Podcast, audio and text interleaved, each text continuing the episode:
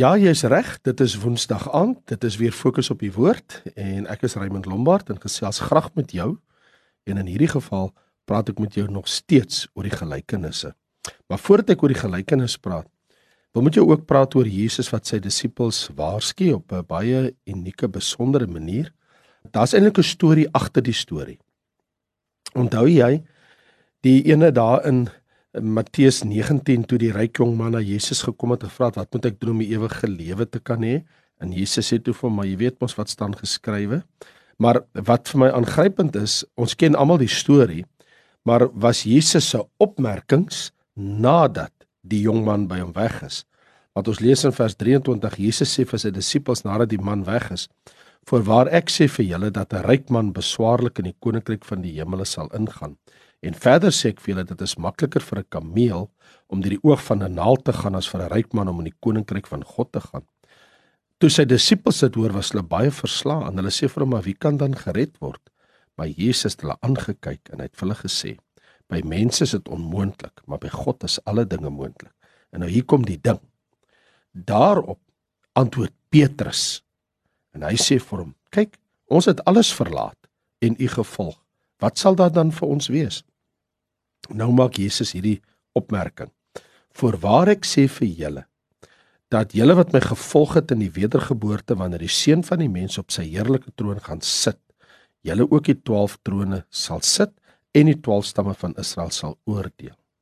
En elkeen wat huise of broers of susters of vader of moeder of vrou of kinders of grond ter wille van my naam verlaat het, sal 100 maal soveel ontvang en die ewige lewe beerwe en baie wat eerste sal laaste wees en wat laaste is eerste. Nou, kom ek sê vir jou hierdie gebeurtenis het mos nou 'n geweldige ding daar veroorsaak oor die ryk jong man wat weg is en Jesus wat vir hulle die opmerkings gegee het oor wat sy sienswyse is oor wat hier plaasgevind het.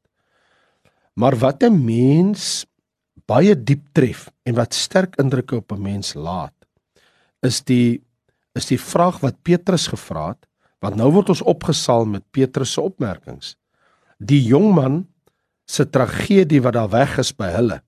Hy die tragedie was nie dat hy welgesteld was nie, dat hy baie weelde gehad het nie, maar die probleem was dat sy weelde het hom besit. En nou kom daar vrae by 'n mens op soos hoekom dien ek die Here Jesus? Dien ek hom vir wie hy is of vir wat ek by hom kan kry?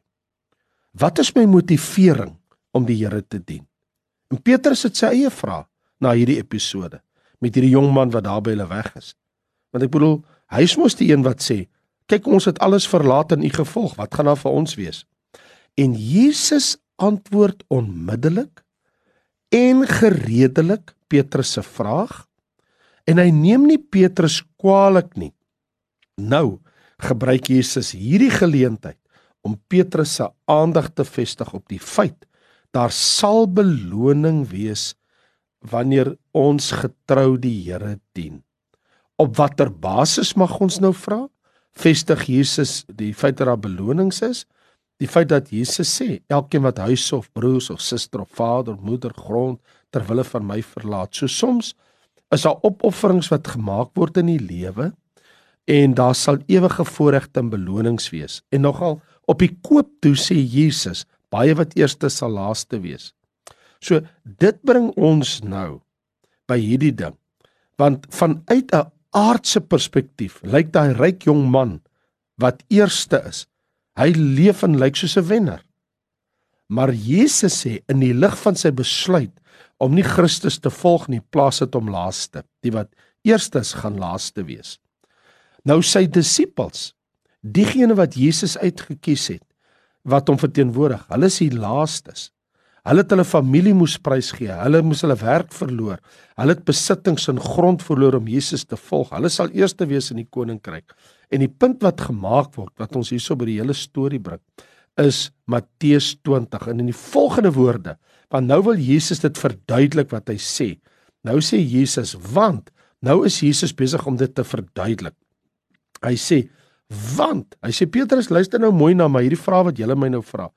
Want die koninkryk van die hemel is soos 'n huisheer wat vroeg in die môre uitgaan om arbeiders vir sy wingerd te huur.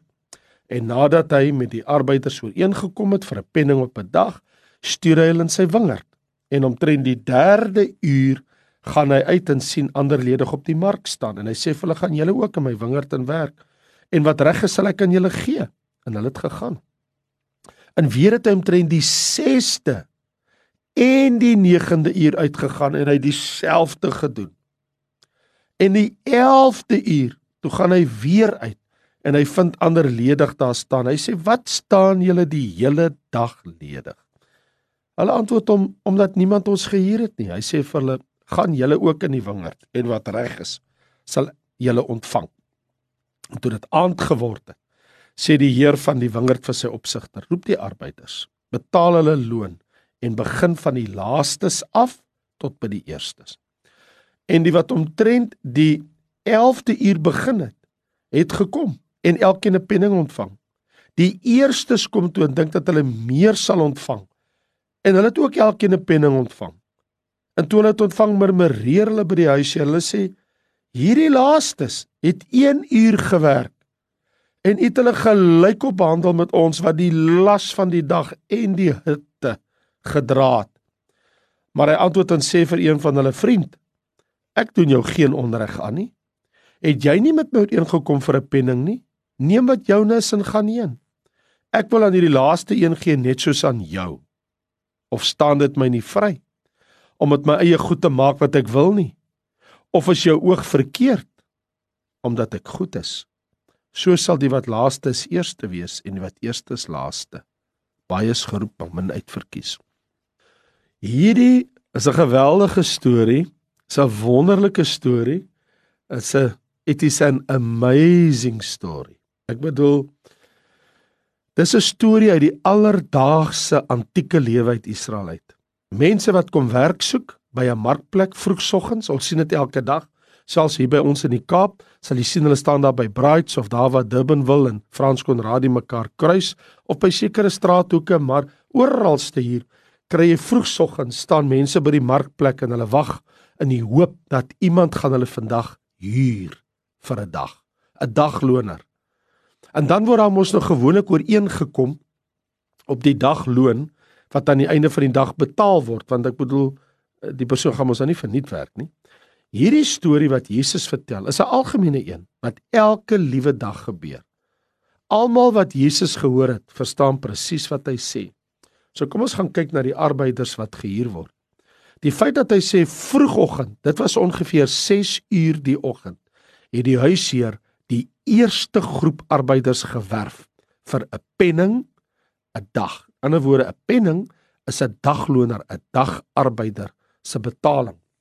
9 uur die oggend, toe doen hy dit weer. Toe kom hy agter jong, maar ek ek het nog mense nodig en hy doen presies dieselfde en hy kom nog steeds ooreen vir 'n penning 'n dag. 12 uur die middag toe hy in die in die in die dorp gaan stap. Toe sien hy maar hier staan nog 'n klomp mense rond wat werk soek en hy sê maar gaan julle ook en ek sal vir julle gee. Dit was 12 uur die dag en dan verbasend 3 uur die middag toe doen hy dit weer. Ek bedoel dit dis nou laat. Die son begin al mik nou om onder te gaan. En wonder bo wonder 5 uur die middag toe maak hy weer 'n draai daar in die dorp en hy sien daar staan nog steeds mense En hy sê wat maak julle hier? En hulle sê maar niemand het ons vandag gehuur nie. Ons moet nou huis toe gaan. Hy sê vir hulle luister, as julle nou na my wingerd toe gaan, sal ek julle gee wat reg is. En wrintie waar. 5 uur die middag toe hier hy nog steeds mense. Wow. Maar nou dis hier waar Jesus se storie kry 'n twist. Dit kry 'n keerpunt.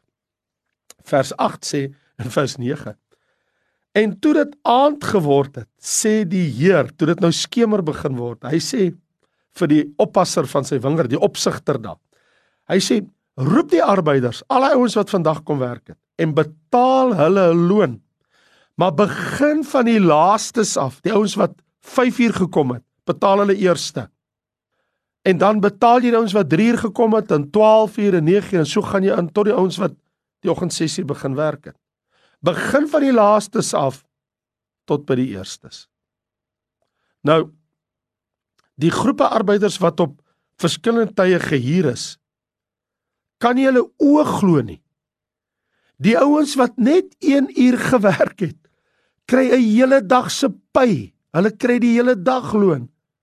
Want jy sien die huisheer in sy goedhartigheid betaal hulle nie wat hulle verdien nie, maar hy betaal hulle wat hulle desperaat nodig het. Duidelik. In die huisheer se oë is mense van groter waarde as die winste wat hy uit mense uitmaak. Ek vertrou dat dit 'n les is vir werkgewers vandag. Dat die mense wat vir jou werk groter waarde in jou oë het as hoeveel wins en hoe groot wins kan jy uit hulle uitmaak vir jou besigheid. Jesus vertel en nou kan jy maar net sien wat het hier gebeur. Die nuus van wat sopas gebeur het met daai eerste wat betaal was, die ouens wat eers 5 uur kom werk het, wat net 1 uur gewerk het. Dit versprei soos 'n veldbrand onder al hierdie groepe werk uh arbeiders wat kom werk het vir die dag. Die groep van 3 uur die middag, 12 uur, 9 uur die oggend en selfs 6 uur die oggend. En daai storie trek van die laaste groep. Hulle moet nou hulle betaling ontvang en hulle dink, "Woe, hier wag 'n groot bonus vir ons vandag." Want in hulle koppe het hulle al klaar daai geld begin spandeer. Hulle kan al klaar sien wat gaan hulle maak. Want ons lees daar in vers 11 dat toe die toe die kom wat eerste begin werk het, wat nou hulle penning kry. Toe kom hulle, hulle dink hulle gaan meer ontvang. Hulle kry elkeen ook net 'n penning. Toe hulle dit ontvang, murmureer hulle by hulle huisheer. Hulle sê hierdie laastes het net 1 uur gewerk. En hulle word gelykop behandel met ons wat die hele dag gewerk het en die hitte van die dag gedra het. Die huisheer se antwoord is baie eenvoudig. Hy sê vir hulle: Hierdie is nie veronderstel om billik te wees en om regverdig te wees nie. Julle kry mos presies waarvoor julle gewerk het. Ons het mos ooreengekom. Julle betaling is mos regverdig en billik. Maar ek betaal hierdie mense wat ek laat laat gaan haal het, ruimhartig, vrygewig. Nee, ek is billik nie. Ek wil dit doen. Hy sê of staan dit my nie vry om met my eie goed te maak wat ek wil nie? Of is julle oog verkeerd omdat ek goed is? Wat is julle probleem? En in die huisheer se stem hoor ons die Here Jesus se sagte teregwysing aan Petrus. Want hierdie hele ding het mos gekom wat Jesus vertel het omdat Petrus mos vir hom gevra het daar in hoofstuk 19 in vers 27 maar ons wat alles verlaat het wat gaan dan vir ons wees eendag in die koninkryk nou Jesus waarsku Petrus en sy ander disippels teen drie gevare in sy koninkryk kom ek deel met jou die eerste een die eerste gevaar is ons moet bedag wees daarop oor die gevaar van 'n kommersiële gees. Ander woorde. Die Here Jesus se koninkryksbeginsels en koninkryksekonomie is anders as die wêreld se. Want jy sien, wanneer ons huurlinge is, maak ons staat op ons onderhandelingsvaardighede, el bargaining skills. Wanneer ons kinders van die koninkryk is, maak ons staat op die Vader se goedhartigheid en sy vrygewigheid. As 'n groot verskil. Ons is nie huurlinge in die Here se koninkryk nie, ons is sy kinders. As ons dit aan die Vader oorlaat om ons te beloon na sy ruimhartigheid, sal hy ons eendag oorweldig deur sy goedhartigheid. Wanneer geld nie ons motief is nie, het ons nie 'n salaris nodig vir wat ons doen nie. Ons werk nie in die koninkryk vir 'n salaris per se nie. Ons dien 'n wonderlike saligmaker uit die toegewyde liefde van ons hart. En ons dien nie die Here om te kyk wat gaan ons eendag alles kry nie. So die Here waarsku sy disippels vir Petrus en sy vriende teen 'n kommersiële gees. Die tweede ding wat hy hulle teen waarsku. Die tweede gevaar is hy waarsku teen 'n kompeterende gees, want die arbeiders wat 11 ure plus gewerk het, het onmiddellik hulle self vergelyk met die ouens wat net 1 uur gewerk het. En hulle oos gefokus op wat die ander ontvang het. Nou, hier's die punt. Toe hulle oë gefokus was op wat die ander ontvang het, die mense wat net 'n uur gewerk het, was hulle nie in staat om hulle eie betaling of loon met blydskap te ontvang nie. As daar geen ander arbeiders in die dag gehuur was, was net hulle. Hulle sou mos op die einde van die dag met dankbaarheid hulle loon ontvang het en hulle pad gegaan het. Maar nou kyk hulle na die ander ouens en terwyl jy na ander mense kyk en hulle se salarisse en wat se werk hulle doen, nou raak jy opgewerk in die koninkryk. Dis maar soos 'n Saul en 'n Dawid storie. Saul se lof word besing en dit is goed in sy oë dat die girls almal dans, speel tamboerijn en sing. Saul het sy duisende oorwin.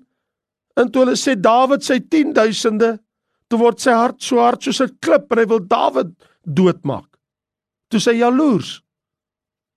Jy weet daar is niks so ontoepaslik en verkeerd in die oë van die Here wanneer kinders van die Here sy disippels begin om hulle met mekaar te vergelyk en in kompetisie met mekaar te werk nie. Vergelyking en kompetisie is nie die taal van die koninkryk van Jesus Christus nie. Want jy sien die oomblik wanneer ons ons oë begin rig op wat die meester aan ander dienaars gee, dan verdwyn ons eie blydskap. Want kyk wat het hy, wat het ek nou? Wanneer ek fokus op die Here se goedheid, sy ruimhartigheid, wanneer ek fokus op Jesus en Vader en hulle vrygewigheid teens my, dan vul dit my met dankbaarheid en vreugde. So Jesus waarsku ons teen 'n kommersiële gees en teen 'n kompeterende gees, maar hy's nog 'n waarskuwing. In hierdie verhaal, hierdie gelykenis, waarsku Jesus ook teen 'n murmurerende gees, 'n klaande gees. Jy vind net fout met alles soos ons sien daar in hoofstuk 20 vers 11 wat hy sê toe hulle dit ontvang murmureer hulle by die huisheer toe hulle so teen die huisheer optree om so te murmureer en te kla dis uiteindelik teen die Here self dit was die voortdurende murmureringe en klagtes van Israel in die woestyn wat die Here moeg gemaak het en sy toorn opgewek het. Niks wat God gedoen het het hulle ooit tevrede gestel. En nie die manna nie die voorsiening met die water uit die rots nie die kwartels niks het hulle ooit tevrede gestel nie. Hulle wil nog steeds terug na die pruie en die komkommers en die watlemoene en alles daar in Egipte land murmureringe is 'n aansteeklike sosiale siekte wat ons en almal om ons beroof van blydskap en vreugde as almal begin murmureer dan begin al die ander ook later murmureer. Hoe sal die Here sulke mense eendag beloon? Ek onthou daar was 'n 'n man wat sy naam was Riesel wat in die Walliese herlewing 'n prediker was, maar hy was 'n steenkoolmynwerker vroeër in sy lewe. Elke dag na 'n 12 ure lange skof in die steenkoolmyn sy klaar was, het hy 5 km huis toe gestap en dan het hy 5 km gestap om 'n Bybelstudie te doen in 'n nabye dorpie. In een aand na 'n vreeslike groot reën by toe hy by die huis ingestap kom, deurnat van kop tot tone, toe sê sy pa so ewe verries toe hy by die huis ingestap kom. Ek sal nie vanaand daai pad heen en weer gestap het wat jy gestap het nie, al het hulle my ook 20 pond betaal. Ek ook nie sê Ries sagkens. Jy sien, hier is die storie. Hy was nie in dit om te gaan Bybelstudie doen vir geld nie. Aardse skatte was nie sy motief nie. Mense soos daardie doen nie wat hulle doen vir 'n salaris nie. Hulle doen dit eenvoudig omdat hulle die Here Jesus oneindig liefhet. Ek vra jou, hoekom dien jy die meester? Hoekom doen ek en jy? Hoekom dien ons die koning van die hemel? Is dit vrees? Is dit plig? Of is dit prestige?